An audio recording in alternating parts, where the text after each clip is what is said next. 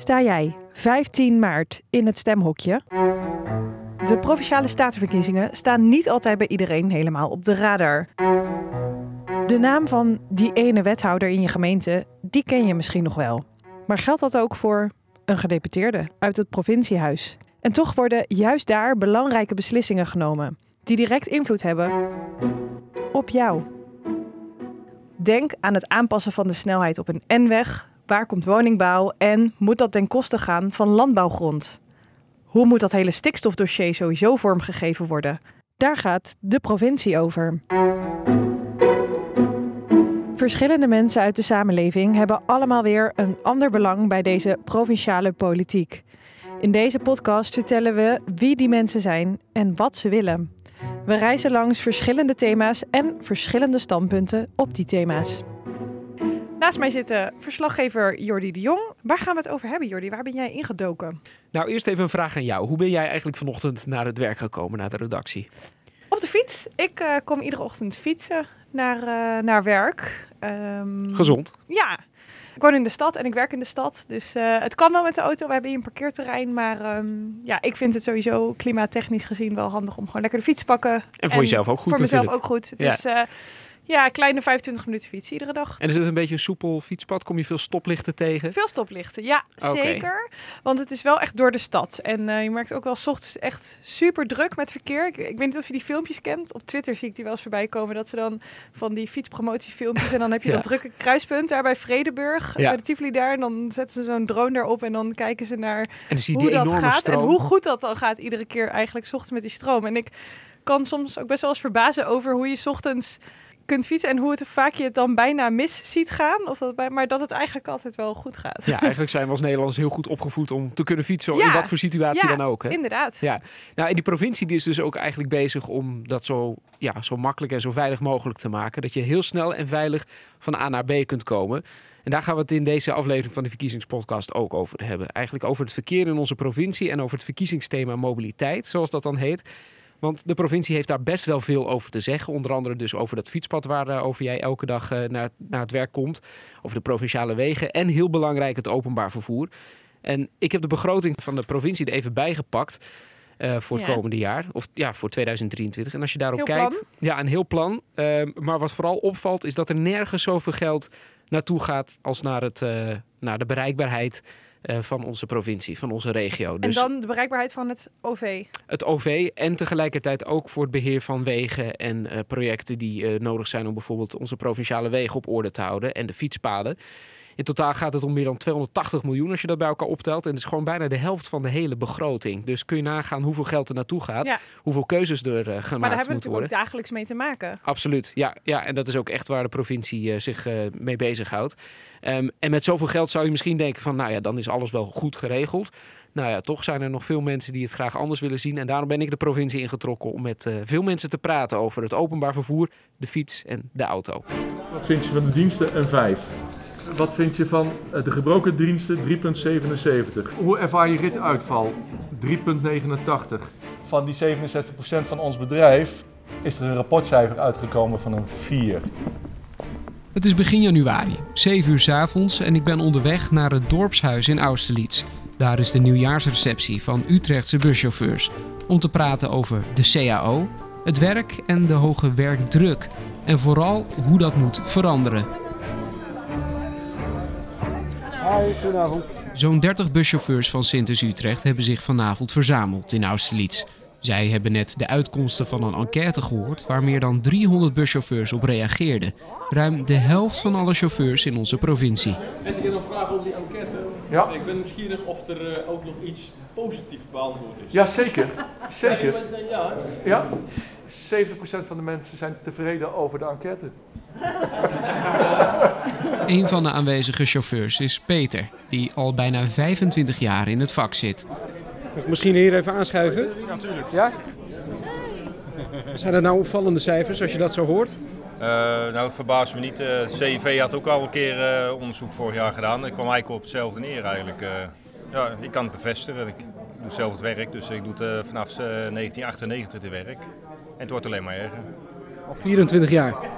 Vier, ja, bijna 25 jaar. Dus, eh, Want als je terugdenkt aan die tijd, hè, waar- waarom ben jij in eerste instantie buschauffeur geworden? Eh, ja, mijn vader is buschauffeur. eh, eh, mijn familie eh, heeft in het OV gezeten. En eh, ja, van jongs af aan ben ik rijk ingegroeid. eh. Het hoorde er eigenlijk altijd al ja, een beetje ik hoorde bij. eigenlijk erbij. Ja, eh, ja, ik deed al in mijn vakantie deed ik al bussen wassen. En eh, ik reed al eh, op een trein met, eh daar had ik nog niet eens een rijbewijs. Dan reed ik al met een bus. Deed Ja. schoonmaken in de, in de schoolvakanties. Ja, en eh, zo groei je erin. En ja, je ziet je vader eh, zie je doen. Eh, vanaf klein, van kleins af aan ging je al met de bus mee. En eh, het is gewoon een heel mooi, mooi beroep.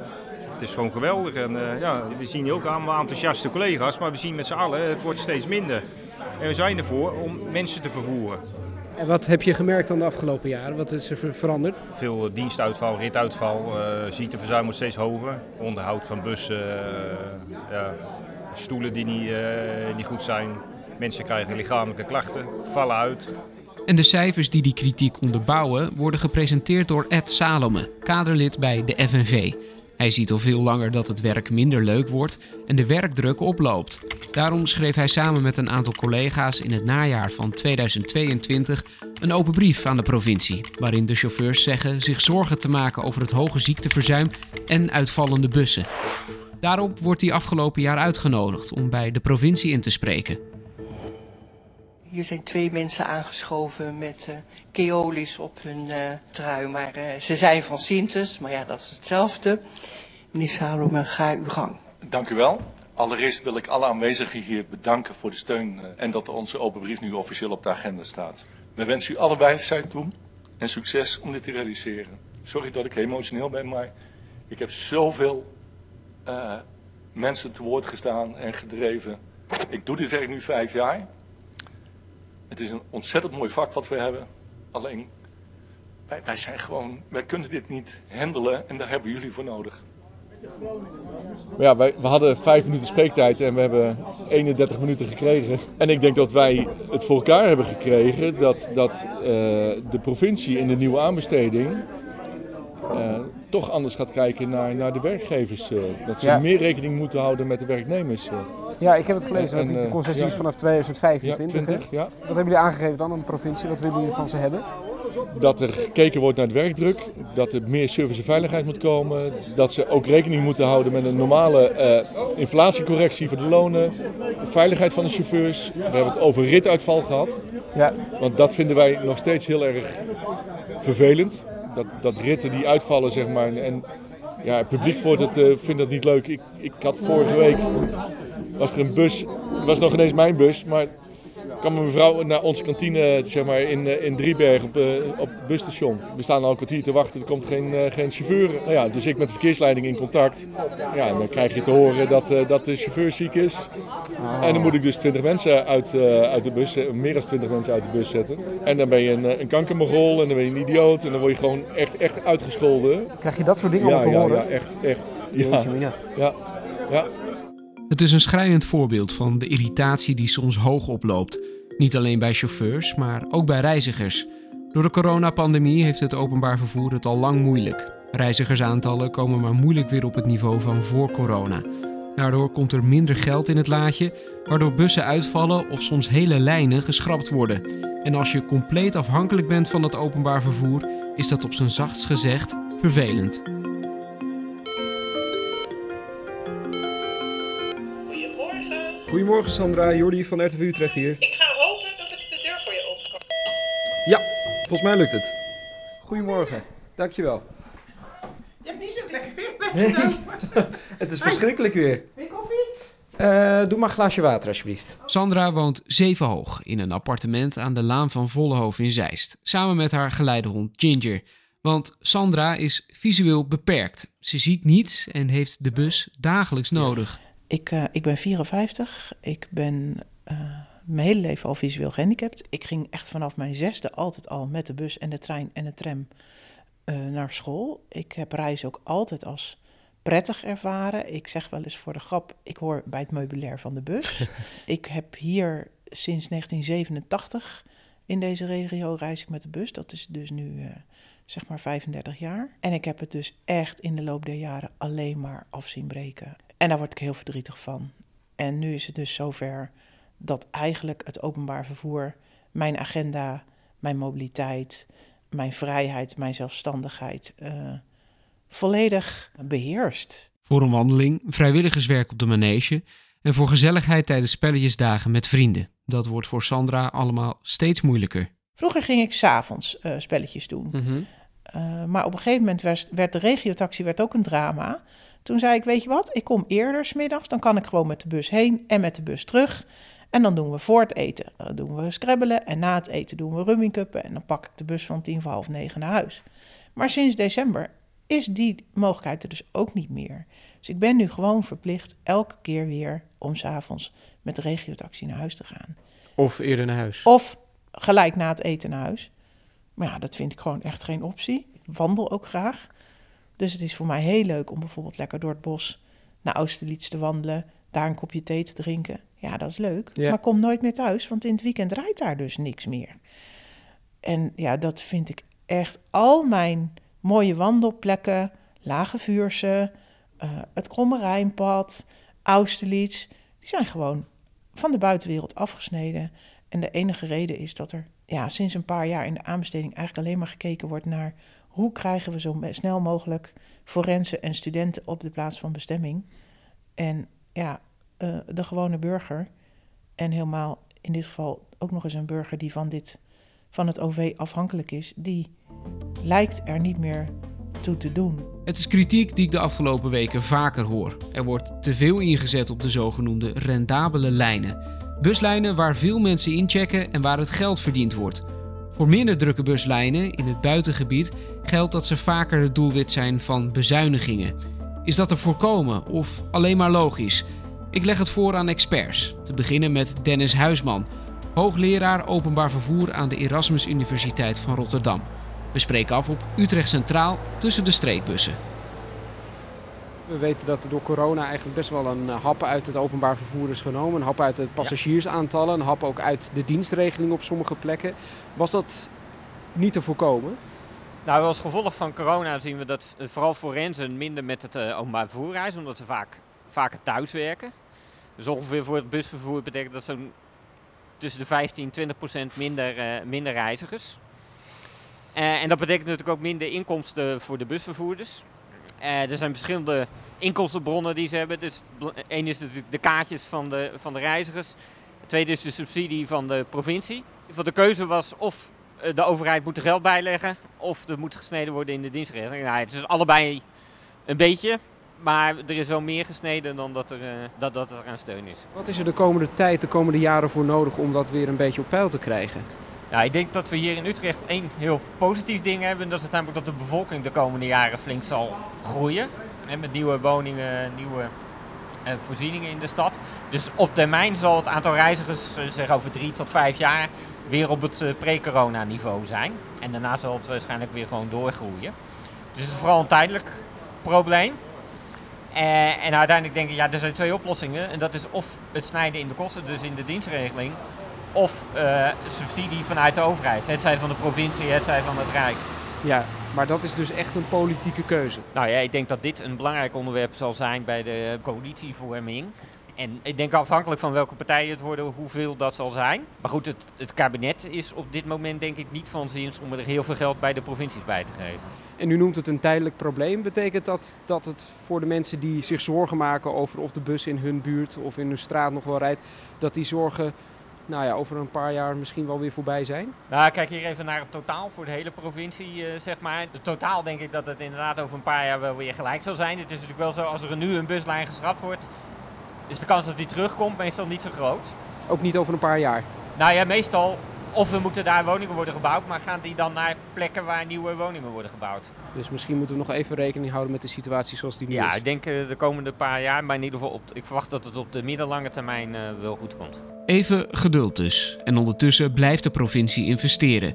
Sterker nog, nergens geeft de provincie meer geld aan uit dan aan de bereikbaarheid van de steden en dorpen in onze regio. Maar ook met zoveel geld moeten er keuzes worden gemaakt. Hi, goedemorgen. Van mij. Hi, Jordi, aangenaam. Kom hier. Ja. Bert van Wee is hoogleraar transportbeleid aan de Technische Universiteit in Delft. Hij heeft begrip voor persoonlijke situaties zoals die van Sandra, maar zegt ook dat het soms niet anders kan dat buslijnen niet overal blijven rijden. Ja, ik, dat zou ik heel vervelend vinden als ik haar was. Ik snap overigens wel dat de overheid zegt: ja, maar ja, als je dan toch overal bussen moet blijven aanbieden, omdat er sommige mensen anders toch er de dupe van worden dat ze niet meer rijden, dan wordt het wel gruwelijk duur. En het is uiteindelijk dan ook best wel milieu-onvriendelijk om van die grote bussen te laten rijden voor één of twee passagiers. Er is wel een grens waarvoor geldt, ja, nou kan het echt niet meer uit. En dan zou je soms kunnen kijken of er maatwerk is, alternatieve oplossingen, om te voorkomen dat sommige mensen die dan tussen het wal en het schip eh, dreigen te raken, of je daar nog een oplossing voor kan verzinnen. En wat voor alternatieve oplossingen kan een provincie dan bijvoorbeeld aandragen voor dit soort doelgroepen? Ja, vooralsnog nog niet zoveel. We verwachten wel dat er in de toekomst dankzij informatie- en communicatietechnologie meer mogelijk kan worden. Je kan bijvoorbeeld registreren wie van waar naar waar wil. En bijvoorbeeld eh, concepten waarbij mensen met anderen meerijden proberen van de grond te krijgen. Meer deelmobiliteit. Ja. En ik zou zeggen, als je dan als provincie geld over hebt voor verkeer en vervoer, zou je kunnen overwegen om veel provinciale wegen veel veiliger te maken. En wat zijn maatregelen waar een provincie vaak nog niet aan denkt als het gaat om provinciale wegen, waarvan u zegt dat zijn eigenlijk hele effectieve maatregelen? Ja, ik denk dat ze er vaak wel aan denken, maar uiteindelijk toch de politieke keuze maken om dat toch maar niet te doen, omdat ze de doorstroming of de snelheid of de betrouwbaarheid voor het snelverkeer toch belangrijker vinden dan de verkeersveiligheid. Dus eh, ik durf niet te beweren dat ze er nooit aan denken. Ze maken wel een andere keuze dan wat uit sommetjes zou voortvloeien als je alle voor- en nadelen zou afwegen. En dat zou zijn? En dat zou zijn dat je vaak toch kiest voor lagere snelheden en een andere inrichting die veiliger is. Als ik zeg N201, wat zegt u dan? Waar is de provinciale weg? Ja, dat is de weg t- tussen eh, Haarlem en eh, Hilversum. Is dat een fijne weg? Nee, dat is hartstikke gevaarlijke weg, ja.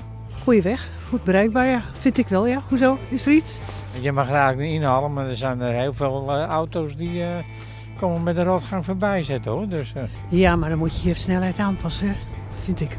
Ja, het, het is een drukke weg, maar eh, goed, ik zie, ik zie weinig andere oplossingen. ik heb er geen problemen mee. Ja, drama. Eh, als jij s'avonds uh, richting Hilversum moet, sta je altijd vast. Ik vind die, die ontwikkeling nu om die bocht weg te halen, dat is een goede ontwikkeling. Dus uh, dat, dat is wel tijd. Maar goed, daar praten ze ook al 15 jaar over geloof ik. Ja, daar hebben ze het wel over. Maar uh, daar zijn ze wel, denk ik, al een jaar of 20 mee te laat. Ja? Ja, dat, ja, vind ik wel. Ja, mevrouw Vijselaar, wethouder mobiliteit hier in de Ronde Venen. Uh, er is veel te doen om mobiliteit hier in, de, in deze gemeente, vooral in Meidrecht, waar we nu zijn. Als ik zeg N201, wat zegt u dan als wethouder? Uh, dan zeg ik op dit moment uh, best uh, uitdagend dossier, eerlijk gezegd. dus ook op het gebied van veiligheid. Dus we hebben de afgelopen jaren zijn er een, een tweetal dodelijke ongelukken gebeurd. En nog een heleboel andere ongelukken. Ja, en dat, ja, we willen gewoon een veilige weg willen we hebben. Maar het is natuurlijk ook gewoon een drukke weg. Dus ja, een uitdagend dossier. Nu eindelijk lijkt er een oplossing te zijn, hè? Ja, dat klopt. Ja, we zijn daar eigenlijk al decennia lang zijn we daarmee bezig. En uh, ja, op 14 december heeft uh, Provinciale Staten en op uh, 20 december heeft de gemeenteraad besloten dat, dat de bocht bij Meidrecht gestrekt mag gaan, gaan worden. Dus dat betekent dat de bocht eruit gaat en dat we recht door het land eigenlijk op de 201 aansluiten. Waardoor we een meer vloeiendere weg gaan krijgen. De provincie kwam dus met een plan om die bocht in eerste instantie te verruimen. Waarbij zes huizen en een restaurant opgeofferd moesten worden. Daarvan zei u als gemeente, nou dat plan dat zien we absoluut niet zitten. Ook wel gek dat de provincie dan met zo'n plan komt eigenlijk, toch? Eh, hebben ze dan te weinig met jullie als gemeente overlegd in eerste instantie? Uh, ja, dat zou je denken. Hè. Kijk, uh, het eerste plan was wel het strekken van de bocht. Alleen uh, daar zat een budget aan waarvan de staat, van de provinciale staten gezegd heeft van ja, dat vinden we eigenlijk te hoog. Dus Uh, en die hebben de opdracht weer teruggegeven aan de gedeputeerden van uh, ja, zorg nou dat er een andere oplossing komt. En toen is de provincie eigenlijk gaan, uh, gaan denken over, nou misschien kunnen we die bochten wel verbreden, maar met als consequentie dus zes huizen slopen en een restaurant. En het feitelijk niet veiliger maken.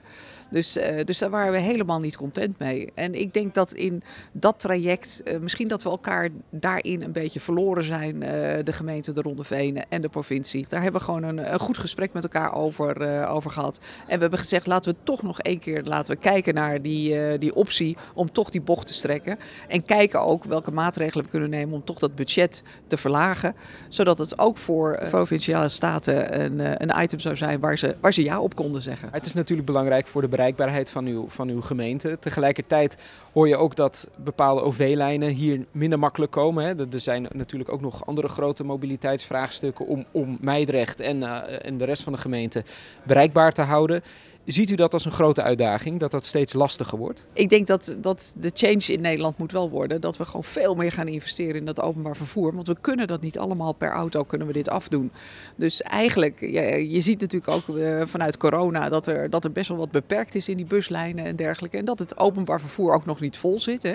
Dus uh, openbaar vervoer heeft ook weer andere problemen. Hè. Problemen met uh, tekort aan chauffeurs, grote ziekteverzuim en dergelijke. Dus, dus al met al is het gewoon een vraagstuk wat echt opgepakt moet worden. En in ieder geval dat buslijnen niet meer uitvallen. Want als je gewoon naar je school toe moet of je moet naar je werk toe.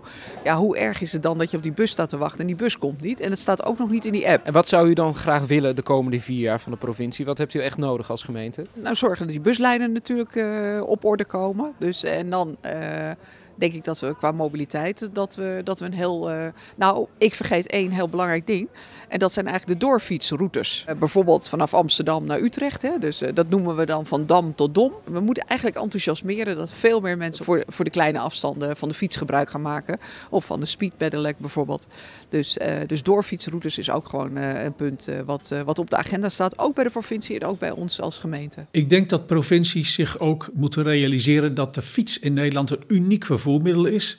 Uh, er zijn wereldwijd geen andere westerse landen waar zoveel gefietst wordt. Er zijn wel regio's, bijvoorbeeld uh, in Kopenhagen. Maar landelijk gezien is Nederland kampioen. En heel veel landen die kijken naar ons van hoe krijg je dat voor elkaar? En dat zouden wij ook willen. Ik denk dat juist voor wat langere verplaatsingen de fiets steeds belangrijker gaat worden, omdat we e-bikes hebben. Dus steeds meer mensen kunnen wat langere afstanden, boven de 10 kilometer, prima met de fiets uh, afleggen. En dat betekent dat het belang van de fiets voor provincies gaat toenemen. Mm-hmm. En dan denk ik aan comfortabele routes, minder verkeerslichten, of die verkeerslichten zo programmeren dat de fietsers eerder groen krijgen. Ik denk ook aan veiligere plekken om provinciale wegen over te steken voor fietsers. Ik heb van Utrecht ook al een aantal dingen gezien. Er gebeurt al heel veel. Dus het gaat zeker de goede kant op. En daar liggen nog wel wat uitdagingen om het verder te verbeteren. U gaat er met volle moed tegenaan? ja. Ja, het is, nou ja, het gaat ook gewoon heel goed, die samenwerking. Dus ja, uh, ik hou gewoon de spirit erin die er nu in zit, toch? Ik zou echt hopen, willen, dat ze zich echt eens gaan realiseren... Dat er mensen echt afhankelijk zijn van een buslijn. En dat je dat dus niet zomaar kunt wegbezuinigen. En het probleem is dat degenen die dit allemaal bedenken en die dit allemaal verzinnen en goedkeuren, zelf nooit in die bus zitten. Iedereen heeft de mond vol van een inclusieve samenleving, maar mijn hele sociale leven ligt echt gedeeltelijk plat, omdat ik niet meer op het OV kan vertrouwen. Dus er is denk ik wel een hoop werk aan de winkel, eh, zowel voor de provincies als voor de vervoerders, als de vakbonden, om toch met elkaar tot een goede oplossing te komen ik denk dat het echt wel daar tijd voor is nu, uh, dat het moet gaan gebeuren.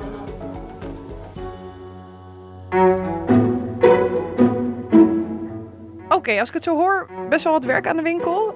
Um, je hebt met veel mensen gesproken die ideeën hebben over hoe het, hoe het verder moet uh, met dat verkeer in onze regio. Hoe kijkt de provincie er zelf op dit moment tegenaan? Nou ja, als je het hebt over dat openbaar vervoer, hè, waar je veel sprekers over hebt gehoord de afgelopen paar minuten, dan uh, zie je dat het openbaar vervoer de komende jaren echt wel uh, hoog op de agenda staat. Omdat er in 2025 worden er eigenlijk weer nieuwe contracten afgesloten door de provincie om te gaan kijken van ja, hoe willen we die aanbesteding gaan doen? Wie dus gaan er rijden? we nu voor kiezen, dat, dat provinciebestuur waar we nu voor gaan kiezen, die gaan daar straks besluiten over nemen. die- exact, die gaan daar ook, eh, ook wat over zeggen. Er zijn al een paar eerste stappen gemaakt, maar wat wij straks bepalen, dat heeft inderdaad invloed op wat er ja, de komende jaren door onze provincie heen rijdt. Ehm, en ja, de provincie heeft al wel een eh, eerste, stappen, of eerste stappen genomen. Dus die gaan wel kijken naar een flexibeler openbaar vervoer. Dus op het moment dat er meer reizigers zijn, dat er dan ook meer bussen ingezet kunnen worden. Dat er in kleinere kernen makkelijker bussen komen. Tenminste, dat zijn de ideeën, zeg maar. Tegelijkertijd proberen ze ook na te denken over hoe kunnen we mensen helpen die bijvoorbeeld minder valide zijn en visueel beperkt. Hè, zoals Sandra, die we hebben gehoord in de podcast. Ehm, en willen ze tegelijkertijd ook zorgen dat de werkgevers, die dus straks die contracten gaan ondertekenen, die die winnen, dat die ook moeten bewijzen dat zij een goede werkgever zijn voor die buschauffeurs, zoals Ed en Peter, die we ook in de podcast hebben gehoord. Ehm, zodat ja, dat ook allemaal op een goede manier eh, verloopt de komende jaren.